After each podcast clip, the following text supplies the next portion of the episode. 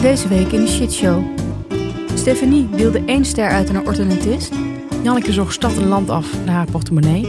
Stephanie heeft moeite met de bloedbal van Nina Pierson. Janneke ergert zich aan vrouwen die zichzelf als een brutale meid zien. We hebben het over hoe mannen kijken naar huilende vrouwen. En we eindigen natuurlijk als altijd met een lekkere, warme boodschap.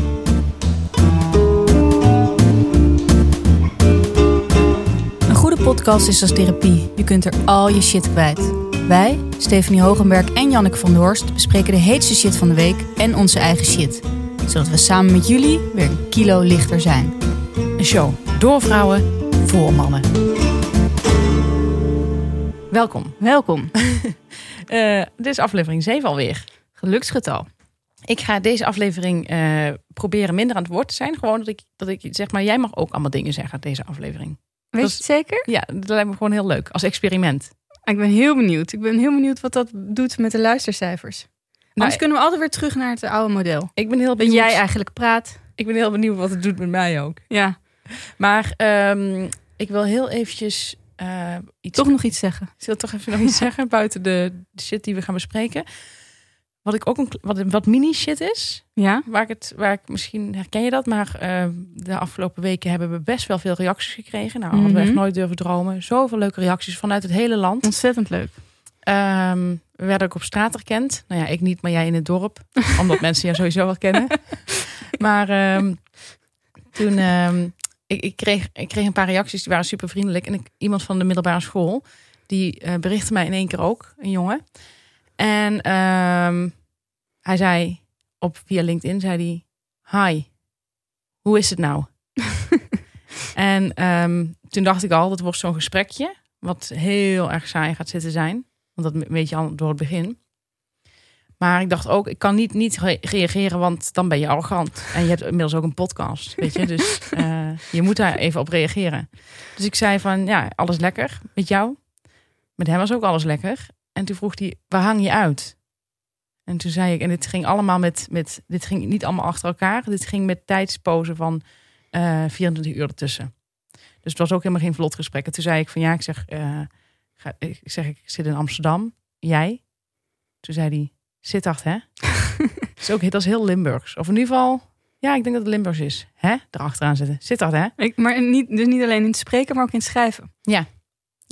Het is echt, het is echt, een, het is echt een Limburgs dingetje. Ik vind dat heel grappig. Er zit ook een bepaalde... Ja, ik vind het Limburgs wel een goed gevoel voor humor hebben. Dit was niet humoristisch bedoeld, denk ik. Maar nou goed. Ehm, en toen zei ik, ja, ik zeg, ik zit in Amsterdam. Ze vroeg die waar in Amsterdam. Dan denk ik al, als je zelf in Sittard woont... wat zou het jou verrekken waar ik in Amsterdam zit? Ja. Dat interesseert mij nou echt helemaal niks. Waar iemand dan ook in Sittard verder woont of zo. Sowieso vind ik het vreselijk als mensen een huis gaan aanwijzen... waar ze ooit hebben gewoond. Dat is echt... Ja? Ja, dat vind ik een Oh, van de ergste altijd. Ik weet, ik weet het, heel veel mensen doen het.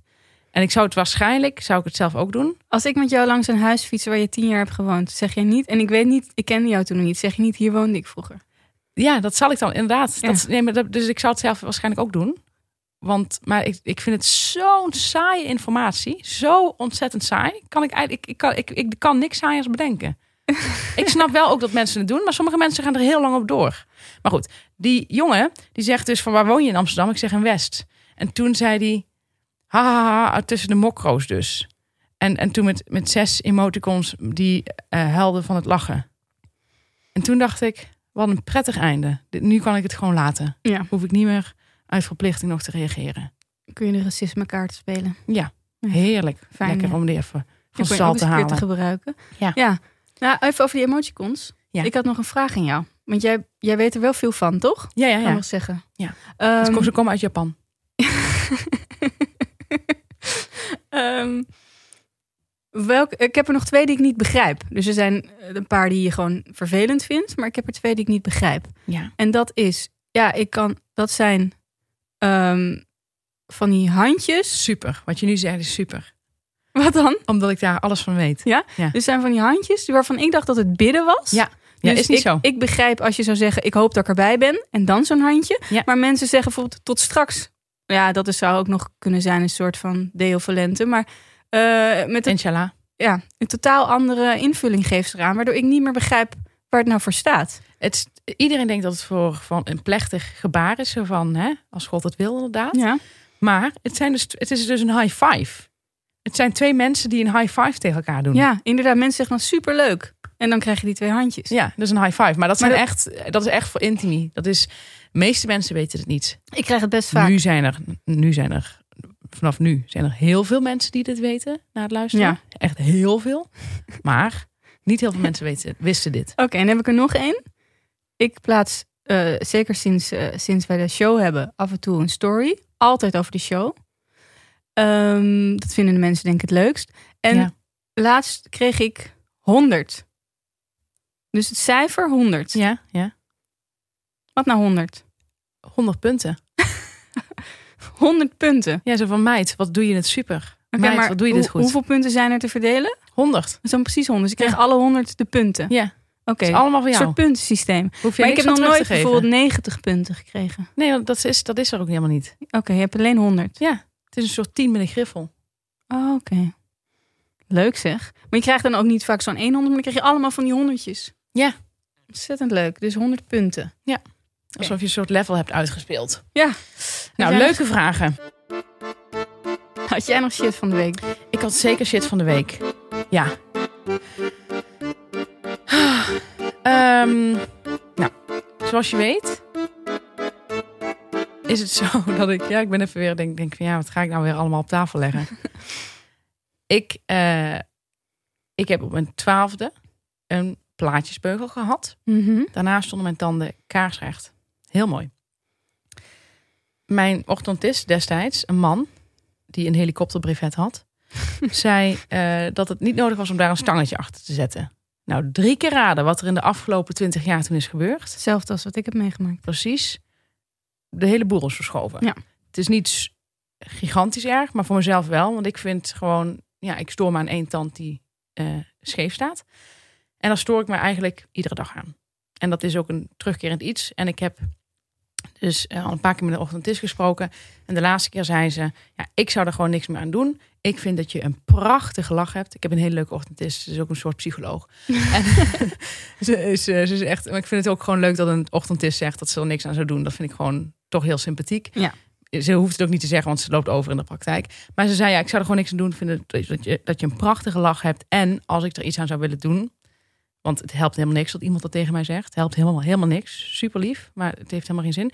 Ehm, als ik er nog iets aan zou willen doen, zou ik twee kiezen moeten trekken. En nog een gat moeten, dan moet dat gat weer dicht en zo. Nou goed. Ik lag weer eens wakker. Nou, dat komt zo twee keer per maand voor. Dat ik gewoon even zo'n zo'n moment heb Mhm. s'nachts, dat ik even wakker lig. En toen ben ik gaan googlen op eh, gat in mond. en om even te kijken van hoe lang een gat moet dichten als er een kies is weggehaald. Want Dus- ik dacht, Jij wilde weten hoe lang, het, hoe lang je daarmee moest rondlopen dan. precies. Ik dacht, als ik dan lach, dan zien ze dat gat. En als dat dan een half jaar is, ja, dan moet ik gewoon even nadenken of ik dat inderdaad wil. Eh, dus zo was ik aan het malen. Heel lekker aan het malen. Het zat er helemaal in. En toen zag ik allemaal verhalen van, ja, bij mij heeft het gat eh, een jaar geduurd voordat het weer dicht was. Ik zou het nooit meer opnieuw doen. Ja, je, kent het wel, horror scenario's en zo. Nou, iedereen was elkaar daar op een stok op dat forum. Dus eh, nou, ik was echt, ik was echt gewoon toch echt heel boos op eh, mijn orthodontist van toen ik 12 was. En toen ben ik hem gaan googlen. Ik denk, waar, waar zit hij eigenlijk? En eh, toen zag ik dat hij nog, dat, toen heb ik zijn naam gegoogeld. En toen zag ik dat hij in een bepaalde praktijk zat in Limburg. En toen dacht ik, ja, je krijgt van mij gewoon één ster. Dus ik heb gewoon één ster uitgedeeld aan hem. Eh, dit speelde zich af in het weekend. Op maandag zit ik bij de Kamer van Koophandel in de wachtkamer. Dus allemaal dingetjes regelen. En ehm, voor mij speelde dit alweer even niet meer. Dat was vooral, vooral, s'nachts. En eh, ik word gebeld door een 043 nummer. En ik neem dat op. zegt mij niks. Ja, dat is, dat is Maastricht. Oké. Eh, ik neem op. Dag Stephanie. Met orthopraktijk, de orthopraktijk op Maastricht, top ortho. Ehm, en ik wist al hoe laat het was natuurlijk. Eh, en ik dacht van ja, ik kan twee dingen doen. ik kan of tegen haar gaan zeggen dat ik haar zo even terugbel. En dan in de tussentijd even bedenken wat ik ga zeggen. Of ik kan gewoon gaan doen alsof ik dit heel normaal vind wat ik heb gedaan. Want ik wist natuurlijk waar het heen ging. Ze zegt tegen mij: Ja, ik belde jou eventjes, want ik zag dat jij eergisteren één ster hebt uitgedeeld op onze website. En ik wilde je gewoon even vragen: van ja, ja waar was je ontevreden over? Hoe zit dat? Ik zeg, nou goed dat je het vraagt. Eh, ja, ik zeg, ik heb, eh, ik heb een beugel ooit gehad bij uh, ochtendtest, puntje, puntje. En ja, dat is me niet goed bevallen. Nee, nou wat ontzettend vervelend om te horen. Dat vind ik heel vervelend. Maar Stephanie, luister, ja, die ochtendtest zit al heel lang niet meer bij ons. En één ster kunnen wij ons eigenlijk niet permitteren. Ik zeg, nou dan haak ik hem toch weg. Zei ze, zou je dat willen doen? Dat zou ik heel fijn vinden. Ik zei, ja hoor, ik kan hem weg. Dus toen heb ik gewoon die ster weer weggehaald. Nou ja. Ongelooflijk hoe dit afliep. Ja. Waarom dacht je dat die man daar nog werkte? Was het laatste wat je kon vinden over hem? Ja, ik, ik googelde zijn naam en toen kwam die praktijk naar boven. En heb je nog verder gezocht waar je hem eventueel nu zou kunnen? Nee, ik dacht wel van laat ik het hier bij laten. Oké. Ja. ja. Sportief en verstandig. Ja. Nee, ik heb het wel heel sportief ook opgepakt. Ja, vond ik wel. Ja. Wat ik, wat ik goed vind aan uh, hoe ik het heb aangepakt, is dat ik meteen het hazenpad heb gekozen. en niet nog heb gedacht van, weet je, dat ik daar tegenin ging. Nee. Dat ik meteen zei van, nou, dan haak ik hem toch weg. Maar ik dacht wel van, ja, die vrouw zal ook, die heeft wel een leuk begin van de werkdag gehad. En die, maar die zal ook denken van, ja, er bestaan gewoon gek op de wereld. Jaren later. Maar ik ben het niet. Ik ben het niet. Nee. Maar ik vind wel dat als je een ochtendist bent en je vliegt in een helikopter, dat je wel even de moeite kunt doen om het te anticiperen. Ja. Want dat is bij helikopter, bij vliegen ook heel belangrijk. Anticiperen. En bedenk even, dat gebit zou toch wel eens kunnen gaan uh, draaien. Schuiven, ja. Dat begrijp ik niet. Ik heb ook geen uh, plaatje erachter gekregen. Of weet dat draadje? We hebben de aflevering 1 er al over gehad. Ja, dus maar dat was wel mijn eigen schuld. Oh. Want ik had een orthodontist. Die was best wel ver fietsen. Ik moest er altijd zelf naartoe fietsen. En um, zij had een behoorlijke buste. Mag ik dat zo zeggen? Absoluut. En de, als ik op die stoel lag, dan plette zij mij daar echt mee. Dat is echt geen grapje. Want ik had een vriendin die daar zat. Die heeft het precies zo ervaren. Maar zo heftig dat ik bijna niet kon ademhalen. Maar ze, ze legde die borsten op jouw gezicht? Ja, want ze ging niet op mijn gezicht. Nee, nee, nee, nee, nee, nee, nee, op mijn borst. Op mijn borsten, zou je kunnen zeggen. Dus zij zat uh, in mijn mond. En dan, legde ze, ja, dan lag dat op mij. En dat was, ja, dat was best wel heftig. En een vriendin van mij bleken wij later dat we bij dezelfde orthodontist zaten. Zat precies hetzelfde. Ik, ik, ik, ik ben daar toen gewoon nooit meer naartoe gegaan. Toen die beugel eruit was. Ik dacht, daar ga ik nooit meer naartoe. Dus bij mij is het mijn eigen schuld. Nou, en die, en die van die borsten. Ja, ook wel een beetje. Maar ze kon er denk ik niks aan doen. Maar ze legden ze echt, zeg maar, erop. Ik denk niet dat ze ze specifiek eventjes erop legden. Maar dat gebeurde gewoon vanzelf. oh man. Ja. Maar goed. Je hebt toch ook al veel meegemaakt op je, in je jeugd, hè? Zeker. Kunnen we nog een keer een aflevering aan uh, wijden? Heb je, onze jeugd. Heb je alles meegemaakt dat een tandarts of een ochtendis uit zijn mond stonk? Nee, maar mijn heeft, had altijd, of we hebben altijd wel kapjes voor. Ja, mijn ook. Dus ik heb het ook nog nooit meegemaakt.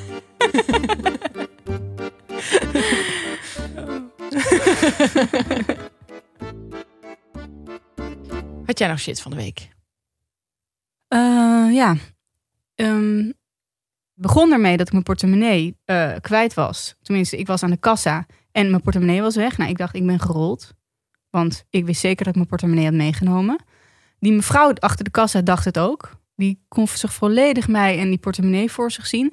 Uh, toen, en ik was tussendoor nog even een meloen gaan halen, want die was ik vergeten. Dus ik rende terug naar de meloenen, lag het niet. Uh, ik met mijn dochtertje naar de auto. Ik had inmiddels betaald met mijn telefoon. Natuurlijk hele lange rij. Telefoon-app werkt niet. Ik weet niet wat er is. Misschien kan iemand me daarmee helpen. Die luistert nu. Maar bij mij werkt die app dus heel vaak niet. Hij het, duurt, het werkt gewoon niet. Nou, Heb je uh, wel Face ID? Ja. Nee, niet Face. Wat is Face ID? Dat je met je gezicht even erin kijkt en dan opent hij. Oh, maar daar gaat het niet om. Hij opent wel. Maar maakt geen contact. En dat met mijn vorige telefoon wel. Dus ik heb, wel ooit, ik heb het ooit gekund, maar met de huidige telefoon lukt het steeds niet. Dan maakt hij geen contact, of heel soms wel. Nou, Uiteindelijk die app verwijderd, opnieuw uh, ingesteld, hup, betaald. Heel lange rij. Iedereen natuurlijk zucht en steunen. Ik kreeg het helemaal zweten. Dat heeft iedereen volgens mij die daar staat. Wij naar de auto, auto doorgezocht, geen portemonnee. Ik dacht, nou, dan zou ik hem dan toch misschien thuis hebben laten liggen. Nou, heel gek, weet zeker dat ik hem mee had. Ik naar huis, overal gezocht met mijn dochter. Nou, ik kon niet vinden, ik ben dus gerold. Um, ik die supermarkt bellen kan natuurlijk nooit direct.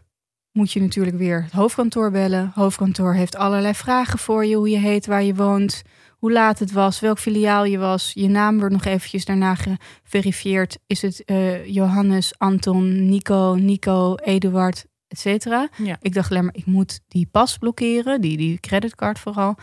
En ehm, ik wil gewoon even weten of ze hem gevonden hebben. Verder Ja. hoef ik niet zoveel te weten. Ehm, nou, zij, bellen in de wacht. Ik, ja, nee, ze hebben hem niet gevonden. Maar zodra ze hem vinden, zij kunt u mijn nummer daardoor geven. Nou, zou ze doen. Dat was ook weer een moeilijke vraag. Maar zou ze doen, was verder wel een vriendelijke vrouw. Ik ga daarna, eh, loop ik, eh, ik vond mezelf heel slim. Ik had dus mijn creditcard geblokkeerd. En ik had mijn bankpassen tot 10 euro gezet.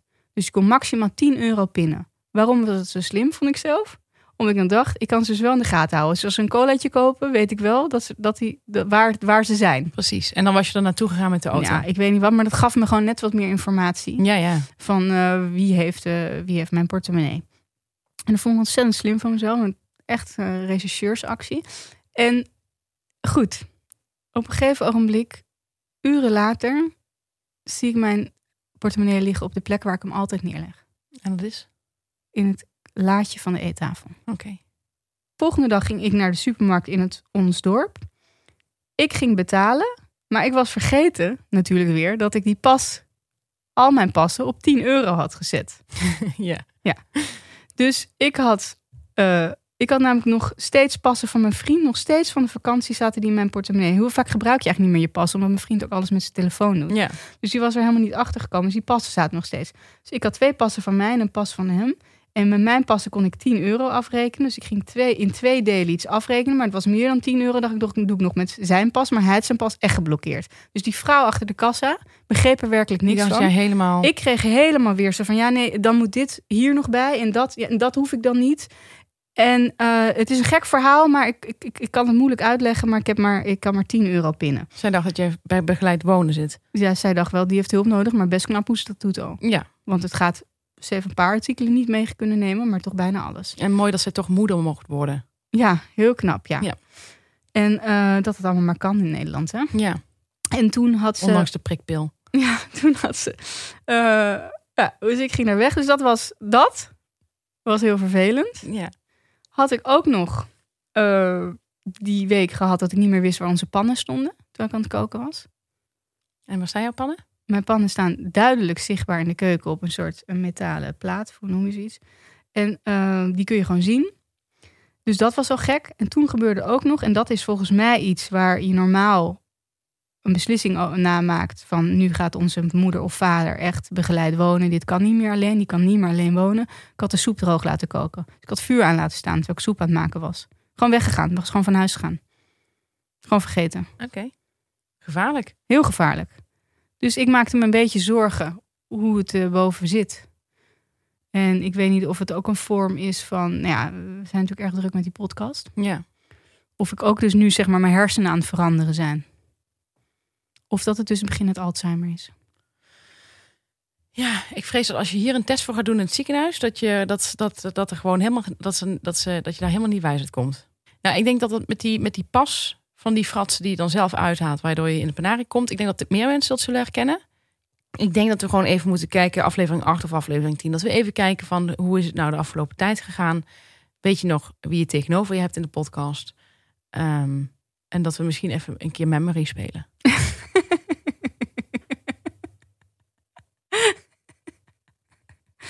Dankjewel. Ik vind het heel fijn hoe, hoe je reageert. Ja, Dat je het niet meteen wegwuift. nee.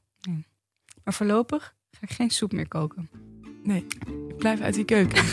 Meid, blijf uit die keuken.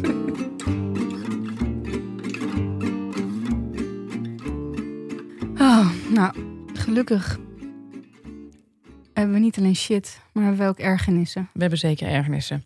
Zal ik beginnen? Ja. Jij mag hierna ook een ergernis doen. Oh, wat leuk. Ik heb een ergernis. Ehm, dat gaat over, die gaat over een persoon van eh, Instagram. Zij heet Nina Pierson. Oh, daar heb ik wel eens van gehoord. Ik volg haar niet, maar die naam is heel bekend, toch? Ja, die is best wel bekend. Ik volg haar ook niet. Een vriendin stuurt mij af en toe, moet je dit nu zien? Ik, eh, zij heeft een eh, eigen bedrijf, dat heet Sla. En zij maken salades. Heel af en toe twee keer per jaar bestelde ik wel eens een salade bij hen. Is het online of is er ook een eh, winkel? Nee, nee, het is een winkel. Een heel eh, Amsterdam.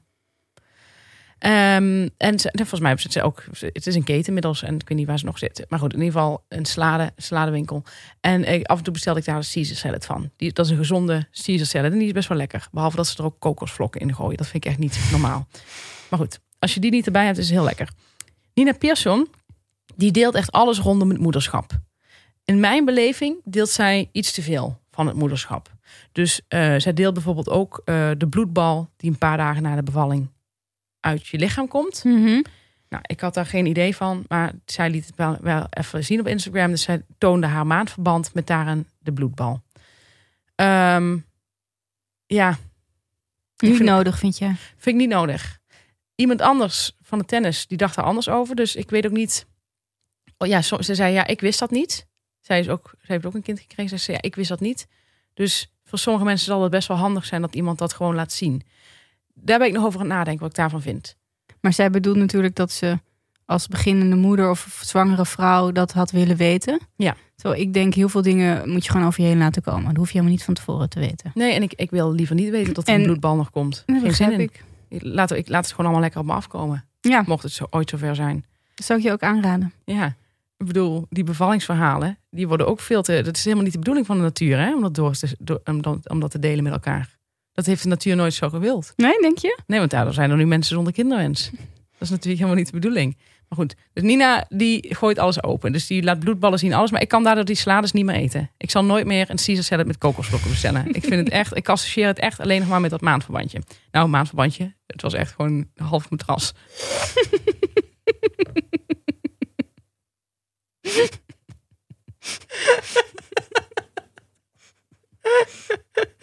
Oh, nou goed.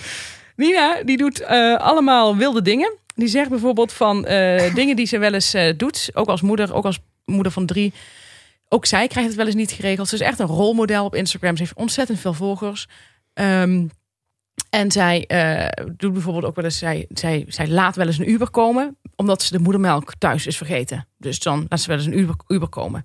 Dat, dat gaf ze toe op Instagram. Denk je dat- Open. Eh, bepaalde mensen eh, die onze podcast beluisteren dit snobistisch zouden vinden? Ik denk het wel. ik denk het wel. Maar ja, het is wel, het is wel heel moederlijk. Hè? Dus je bent echt met je kind bezig dan. Dus het is voor een hoger doel. Ja. Alleen, ja, je bestelt wel een Uber. Daar, Ja. daar kom ik zo op terug waarom dat zo belangrijk is. Ehm, zij doet ook wel eens...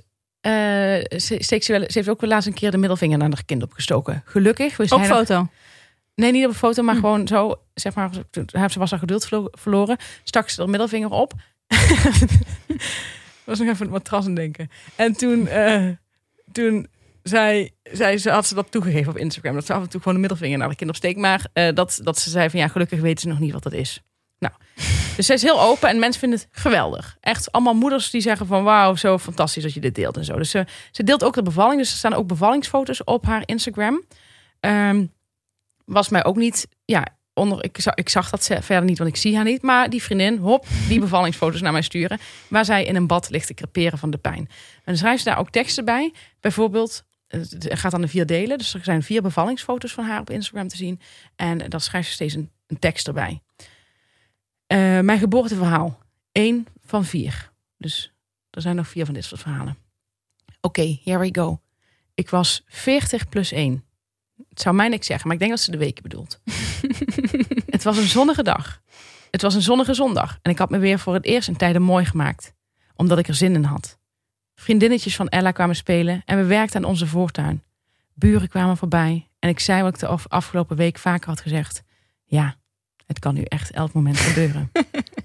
Elke keer dat ik die woorden uitsprak, daalde het besef dat ik het immense opnieuw moest gaan doen. Een kind op de wereld zetten. Het zou haar derde worden. Het voelde alsof ik in het karretje van een achtbaan zat dat maar hoger en hoger ging. De zenuwen en verwachtingen stegen naarmate het een eeuwigheid leek, leek te duren. Ik wist dat er geen weg meer terug was.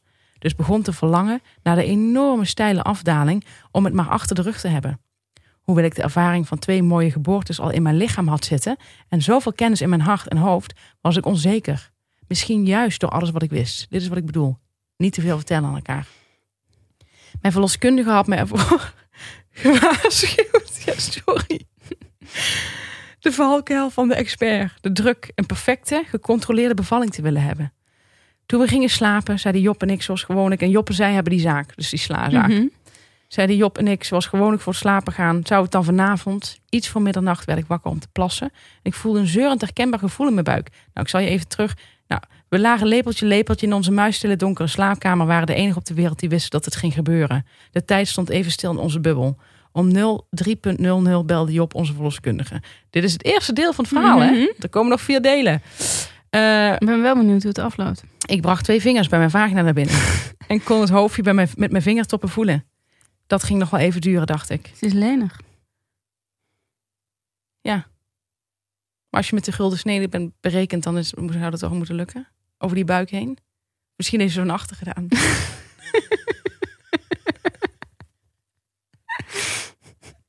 Moeten we maar eens vragen. Even kijken, dus had ze die vingers erin. Elke wee had een enorme dierlijke behoefte om mee te persen. Nou, dat vind ik gewoon ontzettend mooi opgeschreven.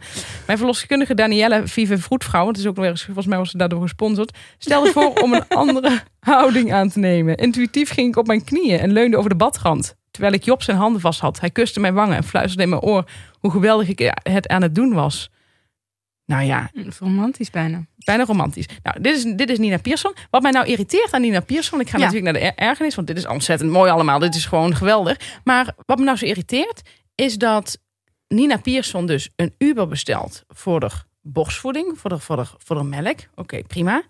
Dat zij ehm, eh, overweegt om een vierde kind te nemen. Dat zegt ze dan ook. Ze heeft net die derde heeft ze net binnen. Maar ze is toch al aan het denken van... ja, een vierde zou ook wel heel leuk zijn. Tegelijkertijd maakt zij zich ongelooflijk zorgen over de toekomst van haar drie kinderen eh, met, met, met betrekking tot het klimaat. Wat mij irriteert is dat ze dus, dus nou, wel nog een vierde kind overweegt, maar dan wel met dat klimaat aan de maag zit. Ja, dat, dat, dat, dat vind ik lachwekkend. Wat Nina Pierson ook laat zien is haar kraambed. Dus ze heeft dan van die zo'n bepaald linnengoed, wat ook helemaal hip is. Ehm, ik denk ook van ja, hoe moeten andere vrouwen dit doen die minder geld hebben? Er zijn natuurlijk heel veel vrouwen die dat allemaal helemaal niet kunnen permitteren. Dus ik snap ook niet dat er zo'n enorme fanbase is. Want Omdat mensen dat wel willen natuurlijk. ja, mensen willen het wel. Dat, dat Ja. zal het dan ook zijn. Maar goed, zij, heeft dus dan, zij laat dan het kraambed zien. En ik moet heel eerlijk zeggen, en dit, dit gaat waarschijnlijk, hier gaat waarschijnlijk iedereen afhaken bij mij. Maar ik, ik ruik dat kraambed. ik vind gewoon, er liggen er drie kinderen in. En nog met een man. En je ziet dat dat linnen al een tijdje niet meer, zeg maar, het is niet een fris bed. Het is niet Nee. net opgemaakt De kraamhulp is weg. de kraamhulp is weg. Eh, Zo'n uitgeblust gezin in bed. Ik vind het allemaal zo intiem. En eh, ja, nogmaals, weet je, ja, ze mag het lekker doen. Maar ik denk, ja, ik, ik, ik, ik, ik, ik vind het gewoon een beetje, ik vind het gewoon een beetje viezig. Nee, begrijp ik volledig. Dus, ja, ik bestel dus geen salades meer daar. Dat begrijp ik. Dit is ook eigenlijk geen goede PR voor dat bedrijf. Nee. Want je denkt wel van ja, wat gebeurt daar allemaal?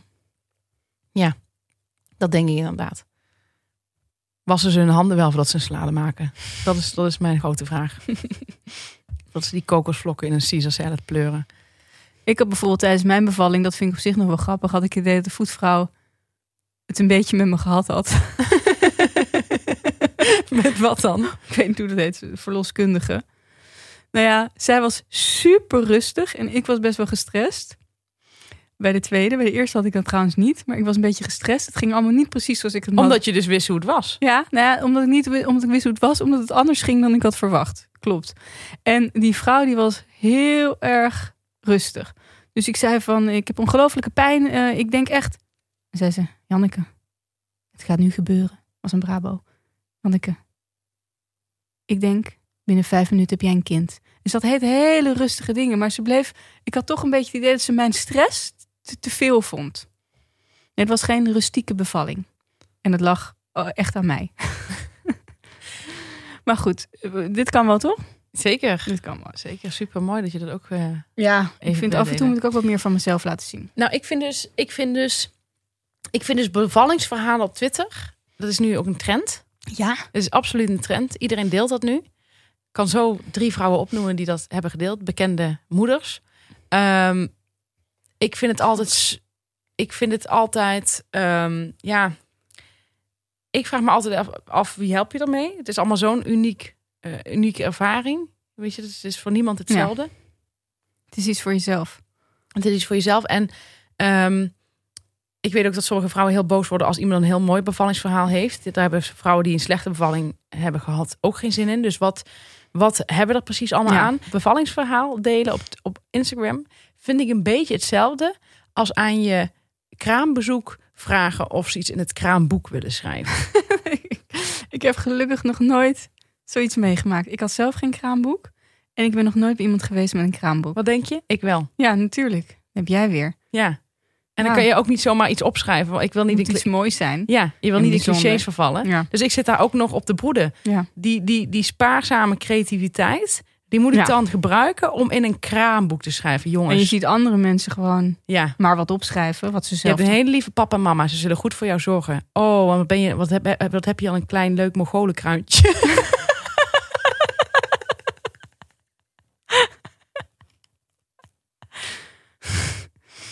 Gelukkig lijk je niet op je moeder. Ja. ja. Oh, goed. Ja, mijn vergelijking was dat ik het eigenlijk een beetje hetzelfde vind als mensen die dan ook op Twitter bijvoorbeeld gaan vertellen hoe ze hun geliefde hebben ontmoet. En dan, we zijn vandaag tien jaar samen en dan het verhaal hoe dat ging. Ja. Niemand interesseert het. Heel veel mensen hebben geen geliefde, zouden het best willen. Vinden het vreselijk. Mensen die een geliefde hebben denken, laat me met rust. Iedereen denkt eigenlijk, laat me met rust. Maar gek genoeg gaan heel veel mensen dat liken. En dan denk ik, zouden mensen dat nou echt leuk vinden? Of hebben ze het gevoel, ik moet dit liken om te laten zien dat ik, dat ik ook iets positiefs in me heb of zo. We zullen het nooit weten. Ik vind koketteren met geluk sowieso vreselijk. Ja, vind ik ook absoluut vreselijk. Daarom hebben wij de shitshow. Kijk, wij Ja. zijn er echt voor mensen. ja. Wij vertellen hoe het echt ging. Ja. De bloedbal van onze geest.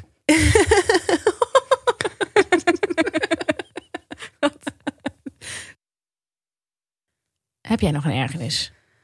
Uiteraard. Ehm, het is een beetje een trend. Al een tijdje aan de gang. Oh. Maar het wordt steeds hardnekkiger. En dat zijn mensen. En waar ik mensen zeg, bedoel ik vrouwen. Oh. ehm, die het leuk vinden om in een interview of in hun bio of in hun Tinder profiel de tekst te zetten. Ik heb het nog nooit gedaan, dus ik denk dat ik het wel kan. Oh ja, die is vreselijk. Vind ik, het is een bepaald type vrouwen meestal. Ja. Die lekker gek proberen te doen terwijl ze dat niet zijn. Ja. Eh, het is ook nog, ze dichten het ook nog altijd toe aan Pippi Langkous. Terwijl Pippi Langkous hier niks mee te maken heeft. In geen enkel boek van Astrid Lindgren, in geen enkel film van Astrid Lindgren. Ja, niet zijn films maakte, maar in geen enkele verfilming van haar boeken komt deze quote voor. En iedereen herhaalt en herhaalt, herhaalt het maar. Ja. En zegt dat het van Pipi Langkous is. Ja, het is een soort brutaliteit van mensen die eigenlijk niet brutaal zijn. Ehm, vroeger had je mensen, of vaak vrouwen van een bepaalde leeftijd, die dan cursussen deden. waarin ze vonden dat ze zich eh, meer voor zichzelf op moesten komen in hun leven. Empoweren. Ja, dat heette toen nog anders, maar ik weet niet hoe dat heette. En dan merkte je vaak dat ze hun recht of voorrang heel hardnekkig gingen ehm, Claimen. claimen. Ja, ik kom, niet, ik kom niet op woorden, maar dat is dus waar we het al eh, over gehad hebben in de show. Ehm, ehm, en het zijn dat soort vrouwen. En het is ook een beetje een soort van: ik doe wat mannen doen. Dus eh, heel veel vrouwen hebben het erover dat mannen Ja. in praatprogramma's gaan zitten en eigenlijk geen idee hebben waar ze het over hebben, maar ik lul maar lekker mee. En het is bijna een beetje van hetzelfde lakenpak. Je zegt eigenlijk: ik heb geen idee, ik ben misschien incapabel, maar ik ga het wel doen. Ja, lachen. En eh, nou ja, daar erg ik me heel erg aan. Het is ook een cliché. We hebben het nu heel vaak gehoord. Nee, het is niet meer leuk en origineel. Het is dus ook niet van Pippi Langkous. Dus mensen, dat is nu ook al een tijdje bekend. Citeer dat niet steeds weer. Zeg niet steeds dat Pippi Langkous dat heeft gezegd. Pippi Langkous en Astrid Lindgren was veel origineler. Dit soort loesje uitspraak. Nee, stop er gewoon mee. Het is een loesje uitspraak inderdaad. Grappig.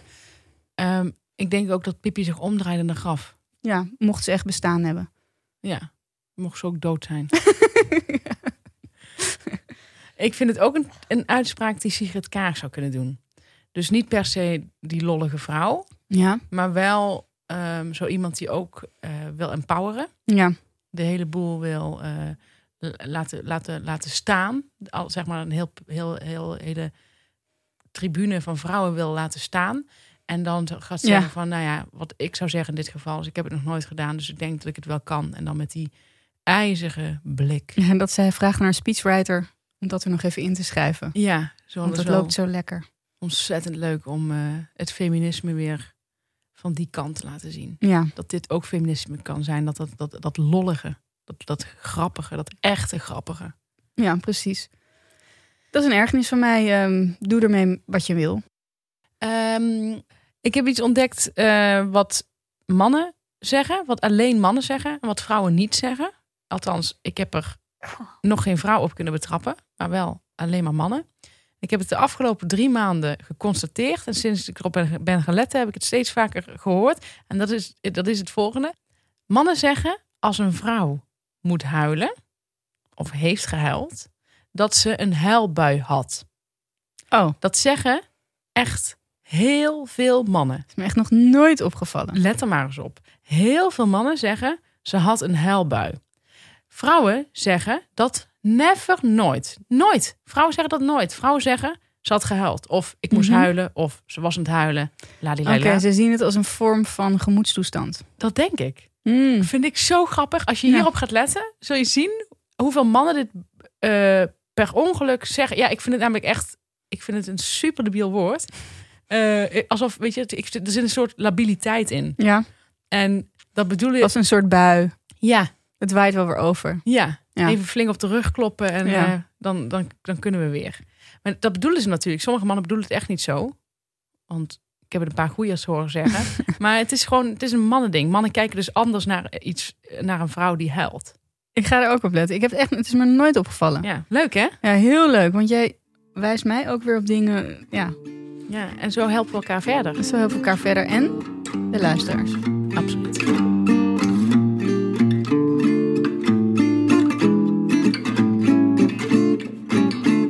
Gelukkig, na al deze ergernissen shit, hebben we ook een, Warme boodschap. een warme boodschap. Wil jij beginnen? Ja, die gaat een beetje flauw klinken, deze tip. Maar ik ben er zelf vrij gepassioneerd over. Ehm, dat weten mensen in mijn omgeving, maar niemand luistert. Dus ik probeer nog één keer via dit kanaal. Ja. Ehm, Ik heb het idee dat mensen hier beter naar mij luisteren dan normaal. Dat heb ik ook. En als ik ook maar één iemand hiermee kan bereiken, dan heb ik gewoon voor mezelf gewoon een heel. Dan, dan, Nuttig leven gehad. precies. Ehm, het zit zo. Heel veel mensen stoken hun tanden niet. Mhm. Dan denk je, ja, Jezus, wat flauw. Eh, ik poets ze twee keer per dag. Dat is meer dan zat. Het punt is, als je je tanden niet stookt, het moet eigenlijk iedere dag. Als je tanden niet stookt, eh, gaat je tandvlees bloeden. Op het moment dat je dat weer eens doet met zo'n tandenstokertje. Ja. Dan denk je ook, ja, nou ja, dat is, is heel vervelend als je tandvlees gaat bloeden. Nou, dat is al een teken dat je tandvlees lichtelijk ontstoken is. Heb je natuurlijk gradaties in. Maar het- je hebt dat vrij snel. Dus als, als ik het bijvoorbeeld drie dagen niet doe, heb ik het al. Dus ik doe het gewoon heel braaf iedere dag. Dat zegt mijn tandarts ook, mijn mondhygiënist, dat ik dat zo goed doe. Ehm, maar ik was ook een keer bijvoorbeeld... Kijk, het punt is, heel veel mensen weten gewoon niet van zichzelf... dat ze uit hun mond ruiken. En ik kan herkennen, want ik heb een heel goede neus... ik kan precies herkennen wanneer het de geur is van iemand die zijn tanden niet stookt. Maar degene die dat niet doet, heeft dat gewoon nooit zelf in de gaten. Want anders zou hij het wel doen. Dus ik had een keer een date met iemand. Was best wel een knappe man, jongen. En die, eh, ik, dacht van, nou, dat ziet er goed uit. We zaten in de bar. En op een gegeven moment denk ik van, ah, wat ruik ik? En ik dacht, ah nee, het, het komt uit zijn mond. En dat was precies die geur van iemand die zijn tanden niet stookt. Gewoon zo'n hele zure lucht. Ik ruik hem ook vaker in de bioscoop. Bij mensen op de voorst- rij voor mij. Dan, dan gapen ze lekker. En dan komt die walm zo met vertraging binnen.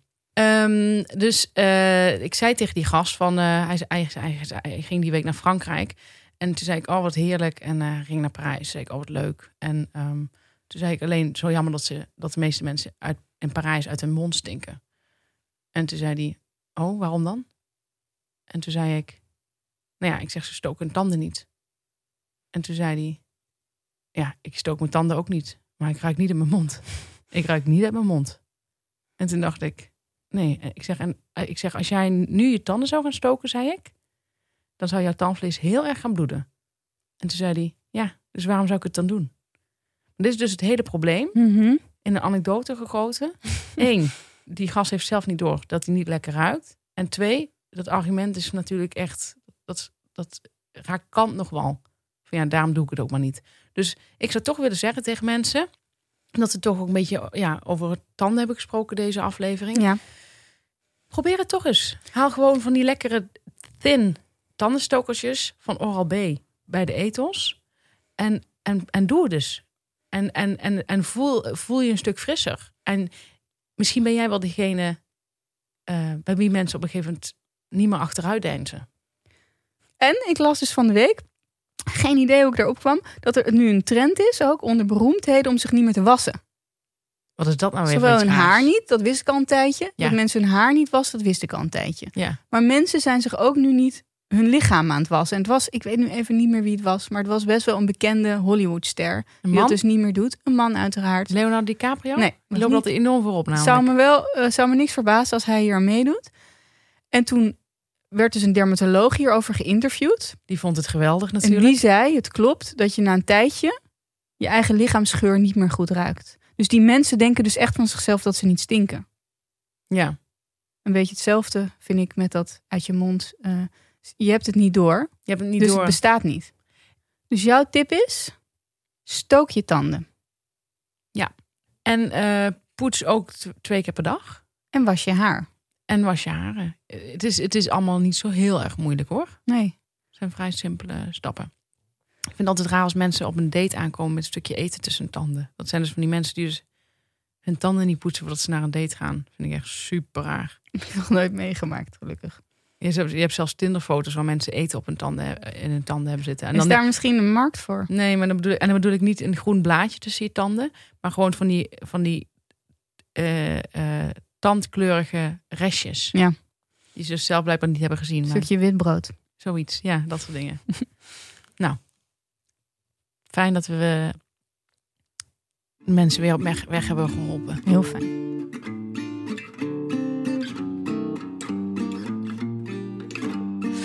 Wat is jouw warme boodschap? Ehm, ik heb een serietip. Het is een wat oudere serie. Dus om terug te kijken, zou je kunnen zeggen. En daar kwam ik een beetje op omdat... ehm, nou ja, je hebt, hoort wel eens van mensen dat ze een klimaatdepressie hebben. Mhm. Ik heb een beetje een soort regeringsdepressie. Oh ja, ja, dat snap ik heel Ja? goed. Ja. Hoef ik verder denk ik niet uit te leggen. Nee. Ik moest denken aan een serie ik heel graag keek een tijd. En het was The West Wing. Heb je dat toevallig gezien? Nee, ik ken wel de naam, ik ken wel de serie, maar niet, ik heb het nooit gezien. Ongelooflijk goede serie.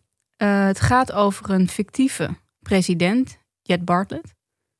Dat is de beste president die nooit heeft bestaan. Dus hij is wat je verwacht of wil van een leider.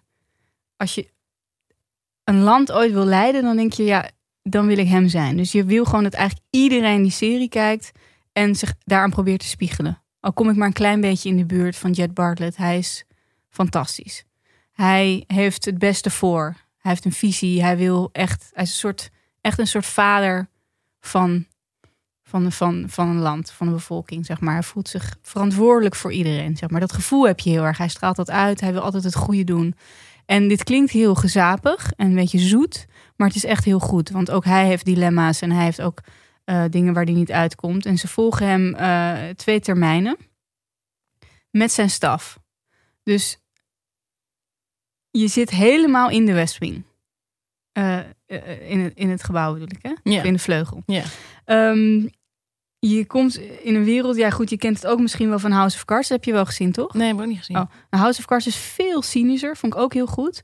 Maar ik merk dat ik heel erg terug verlang naar Jet Bartlett. Naar het gevoel dat ik toen had. Dat bestaat niet meer. Ik heb het gevoel dat ik toen nog een beetje dacht... nou ja, dit is ook wel een beetje... Dit was nog voor Trump. Weet je wel, dit, dit is wel een beetje wat we... Wat je hoopt dat, dat, dat een leider van het volk wil bereiken in een democratisch land. Of wat hij wil zijn. Ja. En ik heb nu het gevoel dat dit, nou, dit, dit bestaat natuurlijk niet, dat wist ik ook wel. Maar dit, we zijn hier echt heel ver van verwijderd op het moment ja. van deze man. En eh, het is gemaakt door Aaron Sorkin. Eh, onder andere van, ehm zie je, zie je, er komt het weer op. Die film over Neem je tijd. Facebook.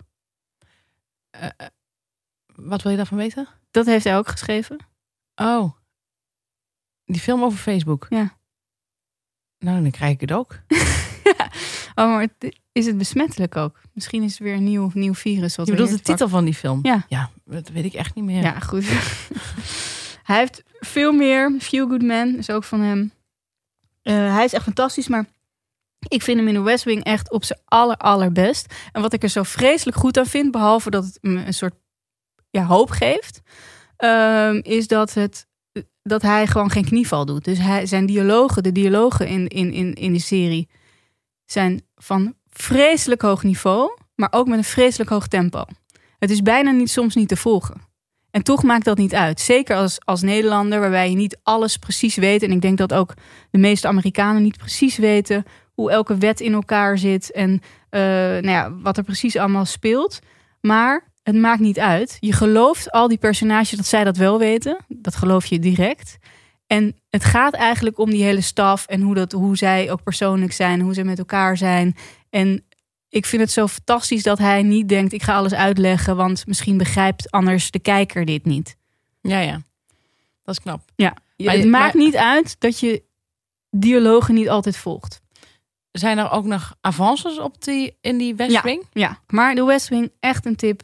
Je gaat er geen spijt van krijgen en het geeft je ook nog een beetje hoop. En je wordt niet behandeld als een idioot door Aaron Sorkin.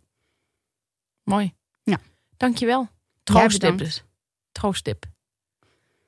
Voor de mensen die het eh, niet weten, wij komen om de week uit. Elke oneven week op donderdag. Vanaf 6 uur in de ochtend kun je ons luisteren. Dus alle oneven weken op donderdag om 6 uur in de ochtend kun je naar de shitshow luisteren. Een nieuwe bedoel ik, want je kunt altijd nog naar de oude luisteren. Dit was weer de shitshow, aflevering 7 alweer. Bedankt voor het luisteren. We hopen dat jullie je lichter voelen. Wij wel, tenminste ik wel. Jij, Stef? Ja, ik voel me ook wel lichter. Ik ben heel blij dat ik dat van die huilbuien heb aangekaart, zodat mensen daar eens op gaan letten. Ja, heel goed van jou. Nou, als je, niet, als je je niet lichter voelt, dan ga je naar vriendvandeshow.nl slash de shitshow. Ehm, nou ja, waar we het deze keer over hebben achter het muurtje is over Jannekes bevallingsverhaal. Vragen kunnen naar theshitshow.gmail.com en een compliment het liefst openbaar op Twitter of Instagram.